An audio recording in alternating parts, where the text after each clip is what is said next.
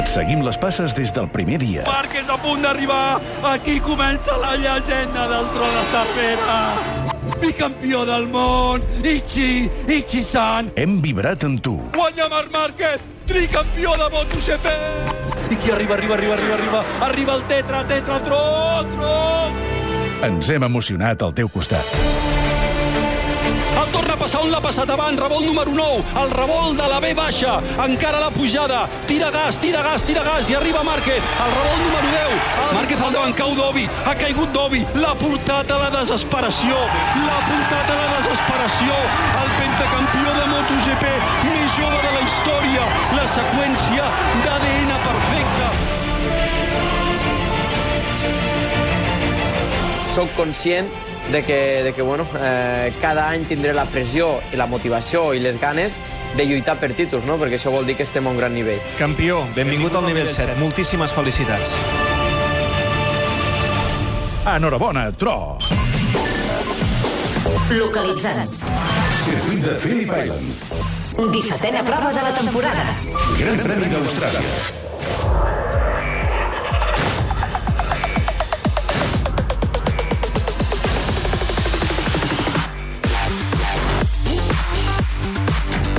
Fa just una setmana vam tancar el Mundial i ho vam tornar a fer explicant la victòria del Tro de Cervera. Ara ho recordàvem, un déjà vu. A la tarda, de ple, en l'especial que vam preparar el Tot Gira per celebrar el títol del Marc, vam poder parlar amb alguns grans de la història del motor català, amb el Carles Txec, amb el Toni Bou, amb el Marc Com, amb la Laia Sanz. Tots ells coincidien a dir que no hi ha ningú ara mateix que faci ombra al Marc. Tots ells coincidien a dir que el Marc ha revolucionat la manera de pilotar. Per la seva valentia, pel seu talent, per la seva capacitat de salvar caigudes impossibles, i tots ells admetien que el Marc no té la millor moto, però si guanya amb aquesta superioritat és perquè és d'un altre planeta. I és que tothom s'ho pregunta. Algú serà capaç d'aturar-lo? Torre de control, David Clopés. Bon dia, dos quarts de sis, i obrim l'univers MotoGP. 17a prova de la temporada des de Phillip Island, des d'Austràlia. No ha sortit ni un bri de sol, però aquí estem, desperts i sense lleganyes, o algunes, preparats per fer la transmissió de la cursa. El dia de l'homenatge al gran campió, la gran volta d'honor de Marc Márquez davant del món. Ens tornem a llevar ben d'hora per viure la cursa en directe perquè nosaltres som els únics que transmetem totes les curses del Mundial de MotoGP en directe, perquè som país de benzina, som terra de campions, som univers MotoGP. Pole position, Damià Aguilar. Bon dia, bona tarda, ara mateix des de Phillip Island, 13 graus de temperatura, lluint el sol, una miqueta de vent. Us imagineu el duel Márquez-Viñales amb què tant hem somiat? Avui podria ser possible, aquí, a l'univers MotoGP. Pit Lane, Sergi Camps. Marc Márquez, que avui lluirà a Austràlia uns guants i unes botes d'homenatge a un altre gran campió, l'australià Mike Duhan. El de Cervera ha piulat una foto amb aquesta particular vestimenta al seu Twitter. Comenteu la cursa a Twitter amb el hashtag Univers MotoGP i podeu guanyar una maleta Roncato. El setè Mundial ja és nostre. Marc Márquez guanya i guanya el cinquè títol de campió del món de MotoGP. Enhorabona, Tro! No et canses mai perquè mm, entrenes durant la temporada, intentes treballar durant la temporada perquè arribi aquest moment. Univers MotoGP és una producció del Tot Gira. Magnífic! És Phillip Island! L'estimo! En moda tro, tro... L'univers és molt gran, tenim la Via Làctia, pensàvem que no ho veuríem! És el miracle de Phillip Island! Level 7, en un altre nivell.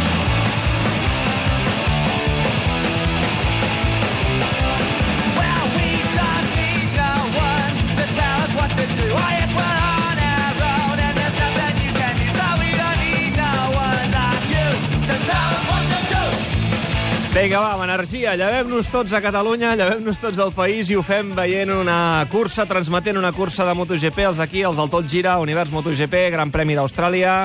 Damià, com estàs? Bon dia, bona tarda per tu. Què tal, què tal, David? Per mi, bona tarda. Camí de les 4 de la tarda, dos quarts i 4 minuts de 4 de la tarda. Tinc aquí al meu costat el senyor de la pedra, el Lluís Costa. Com estem, Costa?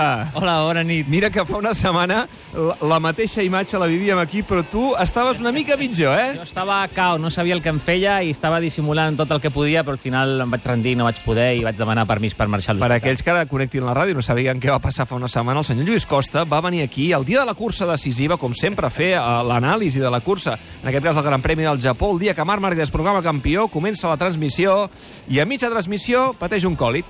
Un còlic nefrític, sí, vaig eh, tenir un greu problema, és la primera vegada que em passa, però per l'experiència que ha tingut el meu pare i ma mare, que m'havien dit més o menys el que passava, doncs mira, ho vaig aplicar i me'n vaig anar directe Però estàs bé, eh? Ara ja recuperat. Estic perfecte, Bé, estic de fet, és tan boig, Damià, que el mateix dia se'n va anar a fer uns entrenaments amb, amb, amb la moto al circuit del Calafat. Bé, um, estan fets d'una altra pasta, aquests pilots, Jo li eh? vaig dir que no hi anés, però Jo també, jo sabia també. que ella hi, hi aniria, evidentment. Bé, en fi, són coses que tenen els pilots i expilots. Molt bé, escolta, mirem al cel, com sempre, veig que llueix el sol a Phillip Island, eh? Eh, llueix el sol a Phillip Island i ara mateix hi ha la, aquella mena d'activitat per mi estúpida, que és que un caça de l'exèrcit es dedica Ah, a passejar-se per sí. sobre, sí, per sobre, amunt i avall, fent loopings i coses d'aquestes, gastant benzina, bàsicament, sí. Molt bé. Um, per cert, aquí ja comencem a anar cap a l'estiu, oi? No sé si fa caloreta. Mm, Aviam, eh, 13 graus de temperatura és una temperatura Ah, que val. per l'època de l'any... Aquí estem a la primavera. eh, Mm. S'agraeix que, que hi hagi sol, entre altres coses, perquè si hi ha núvol es nota molt de fred. Aquí, al- a la primera hora del matí i al vespre, quan ha marxat el sol, fa moltíssim fred, tot i ser eh, primavera. Si ara tenim eh, el sol que escalfa, entre cometes, una mica, doncs eh, potser podem arribar, si s'aguanta, als 15-16 graus durant la cursa, ambientals, la qual cosa no és eh, gaire, sobretot pel públic i tampoc, sobretot pels pilots. Doncs mira, pràcticament com la temperatura que tenim aquí a Barcelona. És veritat que aquí és negra nit, quarts de sis, passen sis minuts i fa, fa fresqueta, ha canviat la temperatura. A veure, Damià, com va entrar de la ressaca? Mm, Explica'ns cosetes de la festa Narita del Marc Márquez i la seva gent després d'aconseguir el títol la setmana passada. És una festa que mm, va ser un pèl diferent.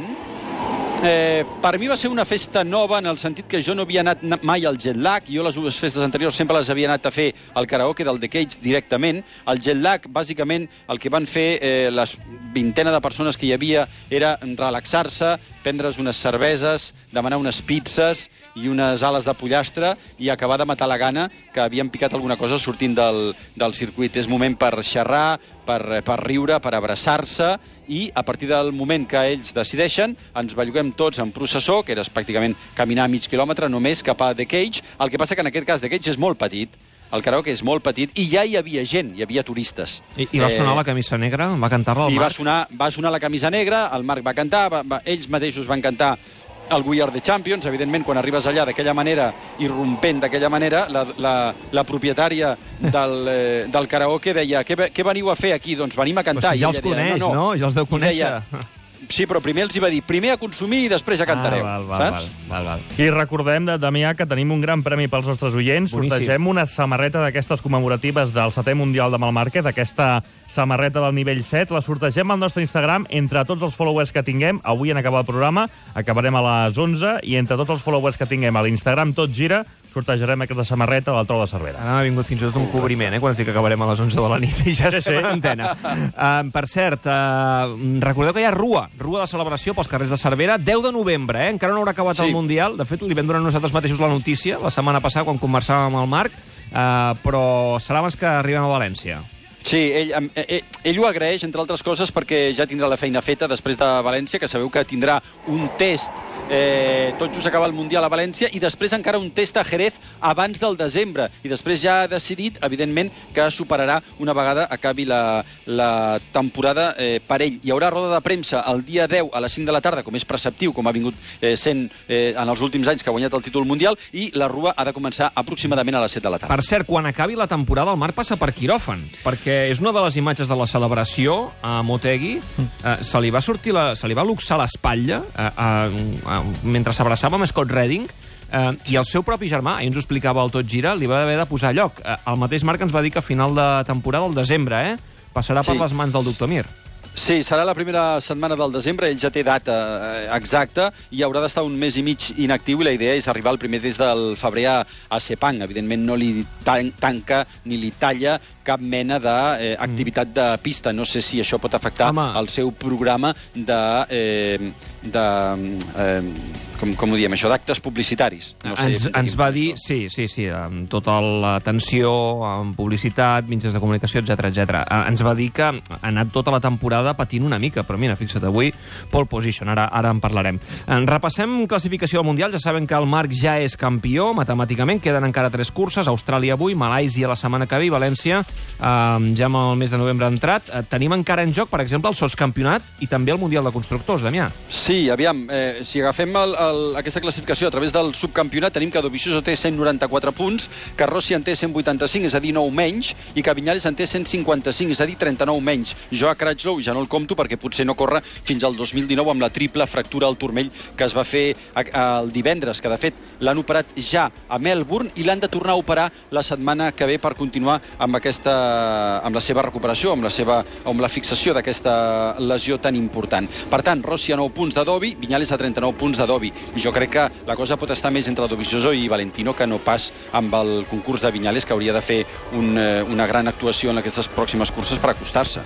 Mm, I constructors I... tenim un de davant, eh? Sí, tenim Honda davant amb 331 punts, Ducati amb 284, això vol dir 47 punts menys. Si avui Honda, vol dir Márquez, li treu 3 punts a Ducati, que vol dir segurament Dovizioso, Miller o Petrucci, aconseguirà el títol de constructors i aleshores només li quedaria el Mundial d'Equips. Mm -hmm. Repsol Honda té 391 punts, Movistar Yamaha 340, és a dir, a 51 punts, però aquí puntuen els dos pilots i per tant eh, eh, l'equip pot puntuar un màxim de 45 punts per cursa i encara en queden 3. Per tant, eh, aquí hi ha marge perquè eh, el títol d'equips encara es pugui decidir fins i tot a València. Ara repassava el Damià aquesta classificació del Mundial. Rossi bé per ser sotscampió.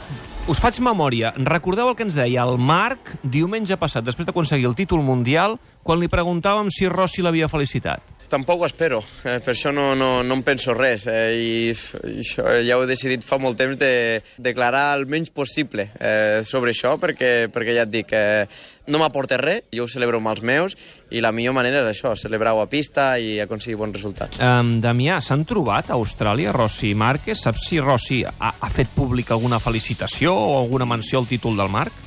Mira que dijous a la roda de premsa van seure un al costat de l'altre. Eh, normalment això eh, ve precipitat perquè algun periodista faci la pregunta i jo tinc la sensació que ja ens hem acostumat tant que Valentino és tan apàtic amb aquesta situació doncs que ja ningú es va atrevir o, o, o va decidir que no li volien fer aquesta pregunta perquè ja li vam fer eh, diumenge a Motegi i Valentino va ser molt escuet.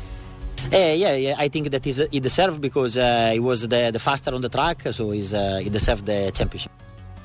es mereix el títol perquè ha sigut el més ràpid a la pista es mereix el títol. Això és el que, És el tot, que va tot el que ha dit Valentino Rossi del cinquè títol de Marc Márquez a MotoGP. Mm, I la resta de rivals, uh, algú ha fet alguna declaració, algun comentari? Sí, sí, no, no, la veritat és que, si te'n recordes, ja vam escoltar diumenge passat Andrea Dovizioso, que per mi va fer Mhm. l'elogi més brutal que se li pot fer a Marc Márquez, però també Dani Pedrosa i Maverick Viñales han dit la seva. felicitar en Marc, que el seu equip també han fet un treball increïble aquest any i han pogut aconseguir un altre títol que és eh, molt important. Donar-li enhorabona no és gens fàcil. Eh, segurament aquest any eh, la constància ha sigut la clau.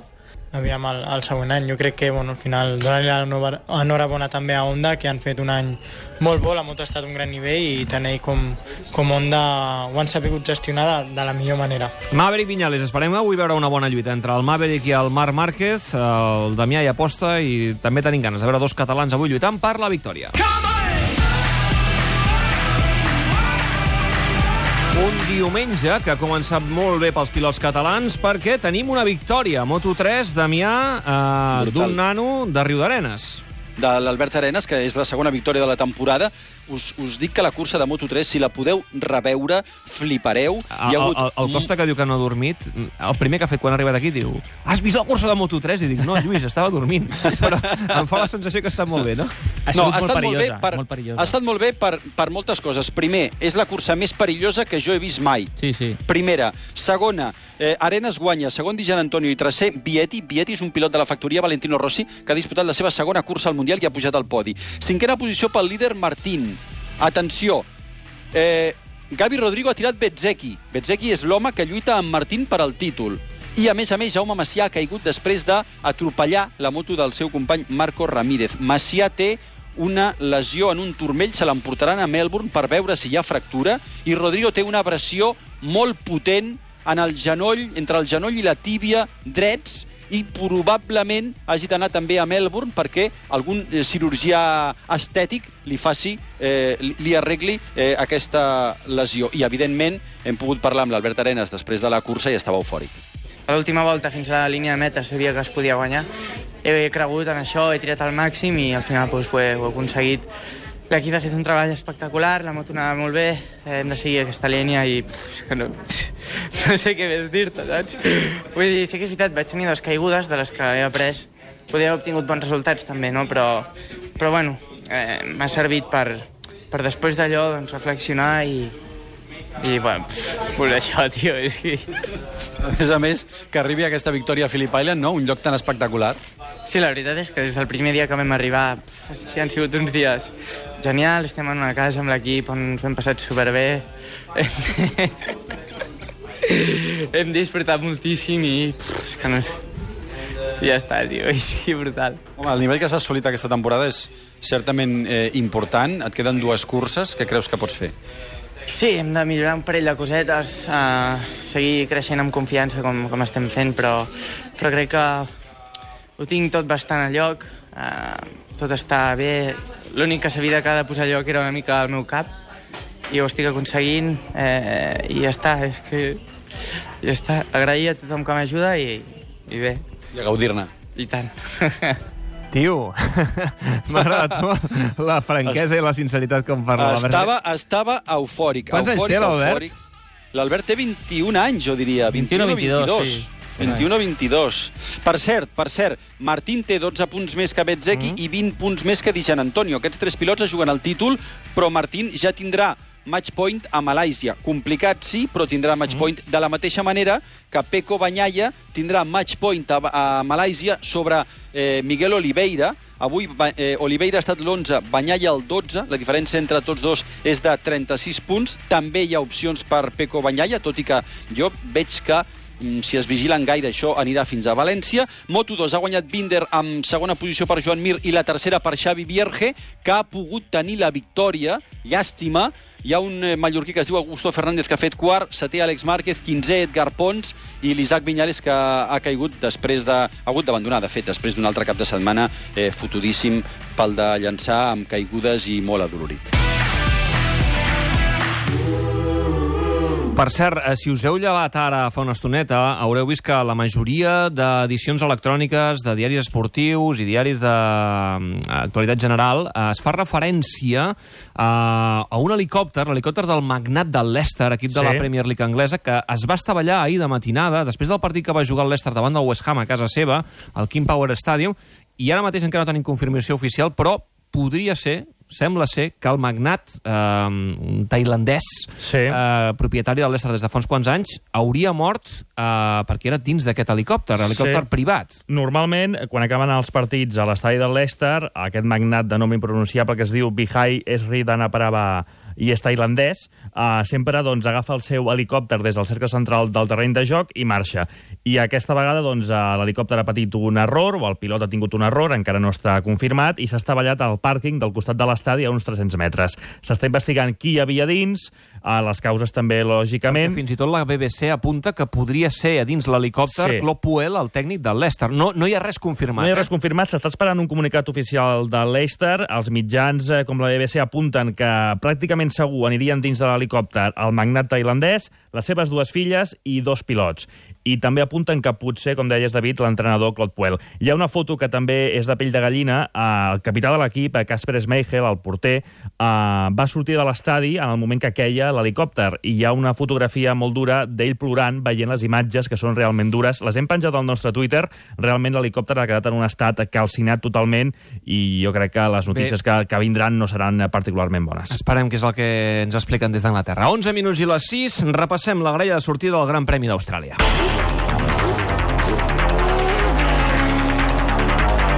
Tercera fila. Nové Andrea Dovizioso amb Ducati, vuitè Danilo Petrucci amb Ducati i setè Valentino Rossi amb Yamaha. Dovi i Rossi lluiten pel subcampionat. Segona fila. Sisè, Jack Miller amb Ducati, cinquè, Alex Rins amb Suzuki, quart, Andrea Llanone també amb Suzuki. Rins aspira almenys al podi avui. Primera fila.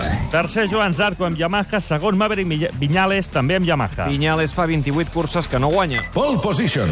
Marc Márquez amb l'Honda. Cinquena pole position consecutiva del Tro de Cervera al rapidíssim circuit australià. El seient del darrere. 11è, Pol Espargaró amb KTM, 18è, Dani Pedrosa amb Honda, 19è, Aleix Espargaró amb Aprilia i 21è, Jordi Torres amb Ducati. Fa un any a l'univers Comença la cursa, 27 voltes per endavant. Marc Márquez, que ha sortit el primer, està perdent posicions perquè ha agafat malament la línia. I darrere... Maverick Viñales, que està intentant superar Marc Márquez. I si vol ficar Zarco, Zarco ha tocat Márquez per darrere. A punt Márquez d'anar a terra per culpa de la inconsciència. I no és la primera vegada del Zar de Canes. Maverick, el pistoler, que l'agafa, l'agafa, l'agafa, l'agafa. Arriba el primer revolt, l'aguanta, l'aguanta, l'aguanta. Valentino intenta per dintre. Segon, Valentino Rossi. Tercer, Marc Márquez, que ara veu com hi ha forat. És Aleix Espargaró qui ha caigut.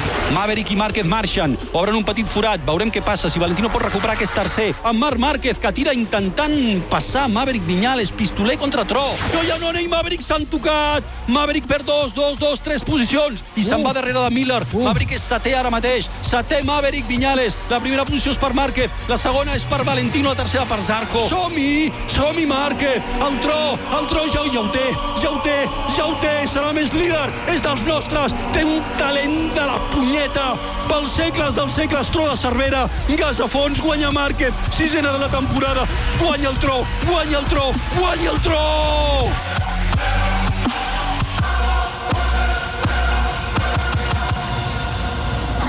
Trending GP. Com a cada cursa, regalem una maleta Roncato, la sortegem entre els comentaris sobre la cursa a Twitter amb el hashtag Univers MotoGP. La Núria, que diu avui cursa per gaudir, sense pressió, volem espectacle a la pista. El Pau Torres, la lluita pel sotscampionat també està molt maca, jo aposto per Dovizioso. I el Víctor, que diu Márquez guanyarà a Austràlia, aquest noi sempre té gana, som-hi i tro. També la gent del motor que ha fet tuits aquest cap de setmana destaco la piulada de fa una estona del compte oficial de MotoGP amb la celebració de l'Albert Arenas, que com hem sentit ha guanyat a Moto3. I també recordem que tenim un altre sorteig, en aquest cas a Facebook. Sortegem un lot de caves Verdier entre la gent que encerti el podi de la carrera. Obrim les apostes o els pronòstics ara i els tanquem, recordem, quan comenci la cursa. Onda Tauler, concessionari oficial Onda a Barcelona, us ofereix aquest espai. Moments universals. 8 minuts i la cursa. 31 anys fa que Catalunya Ràdio segueix el Mundial de Motociclisme. Cada diumenge de cursa, la transmissió de l'Univers MotoGP. Repassem algun moment top de la història del Mundial. Avui, la tensió entre Cribiller i Duhan al Gran Premi d'Austràlia del 1996. La temporada 1996 va ser la de la demostració que Àlex Cribiller podia plantar cara regularment al campió del món, Mick Duhan. Aquella temporada va ser la de la invasió de pista a Jerez quan encara quedava una volta que Duhan, molt murri, va aprofitar posant-se a cua de l'usonenc que s'obria pas entre els aficionats. El va avançar al darrer revolt i va guanyar. Jerez va ser la quarta cursa i la República Txeca la onzena. Allà van arribar frec a frec a meta amb victòria pel català per dues mil·lèsimes. El Mundial es tancava al circuit d'Eastern Creek, a Sydney. Duhan ja s'havia proclamat campió, però la rivalitat estava en un punt àlgid. El 20 d'octubre del 1996, Àlex Cribiller sortia des de la pole a Eastern Creek. The lights go green, and the charge is on. Good start from Doohan, good start from Caparossi, and the rest of the Repsol Honda men going well. And it's Caparossi who leads them. Well, a great start from the Italian. And that's Doohan and Cribier and Okada. Però de seguida es va veure que allò seria cosa de dos, els dos pilots de Repsol Honda. El primer frec a frec seriós entre tots dos va ser quan Duhan tanca un intent d'avançament del català de forma molt agressiva. Here comes Cribier again, though. Another attempt. Doohan moves right over. Oh, that was close, and Doohan again moves, bangs into Cribier.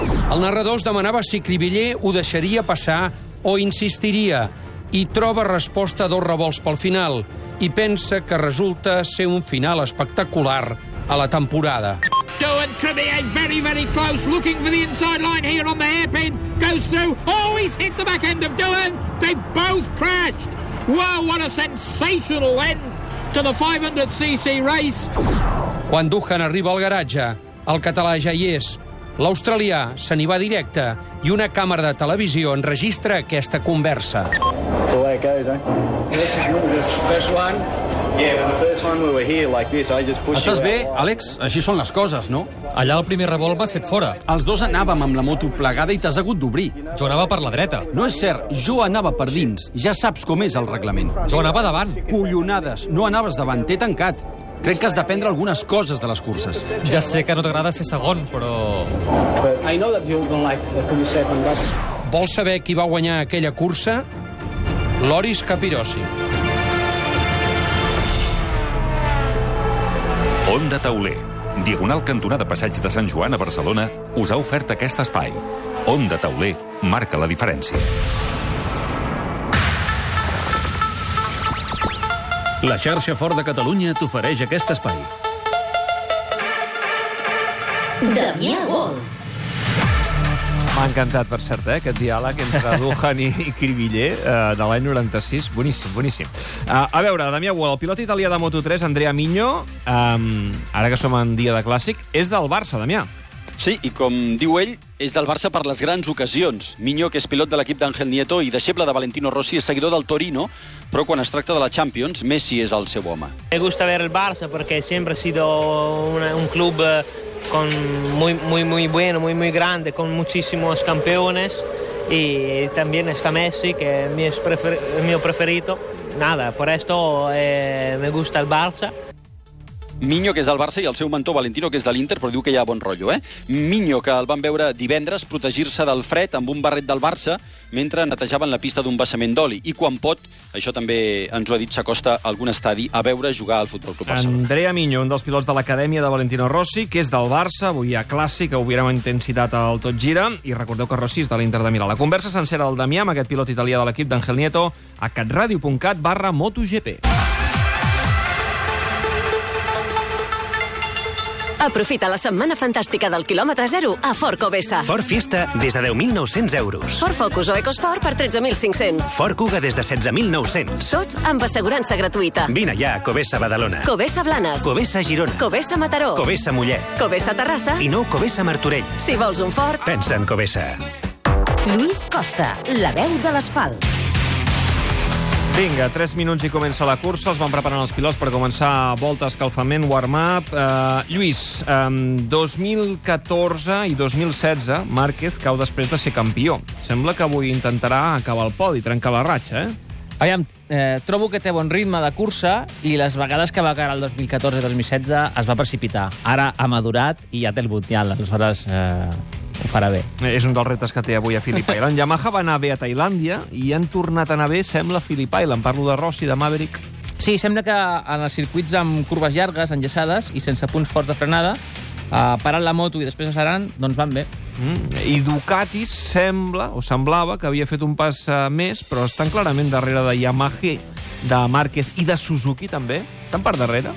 Sí, no troben un compromís que els hi permeti rodar fort. Uh, Miller corre a casa i és diferent. Ell, ell dona el 200% i aquí tot això, tot i això està a un segon. Mm. Aquest circuit fa por, Lluís. Uh, ho dic perquè amb la mitjana de velocitat, uh, que és la més alta del calendari, uh, la pista freda, uh, el vent, a vegades pluja, avui no fa la sensació, Sí. és dels més perillosos, oi? És dels més perillosos. Uh, jo vaig córrer el 2001 amb la 2 i mig i vaig rodar amb aigua, després vaig rodar amb l'asfalt mullat i la veritat és que la pista és preciosa però és la més bonica del campionat, però es, es va molt ràpid i uh, l'asfalt està molt fred, es corre, es corre el mes de, de novembre, que és primavera per ells, i hi ha moltes caigudes i quan es cau aquí normalment et fas mal. És la mítica cursa on el Damià va dir allò de ha destrossat Sí. l'animal, Sí. hi ha una gavina a la pista. El Llanone. Perquè hi ha gavines. Hi ha gavines, per cert, Damià, o no? I tant que n'hi ha, sempre. Avui no n'hem vist cap, eh? Per tant, molt alerta, eh? Perquè avui potser tornem a sentir Sí. el Damià explicant la mort d'una gavina a la pista. Molt bé, recorden, Damià, graella de sortida abans que comenci el Gran Premi. Marc Márquez, que sortirà a Phillip Island des de la pol per cinquena vegada consecutivament amb Maverick Viñales i Joan Zarco. A la segona fila, Janone, Rins i Miller.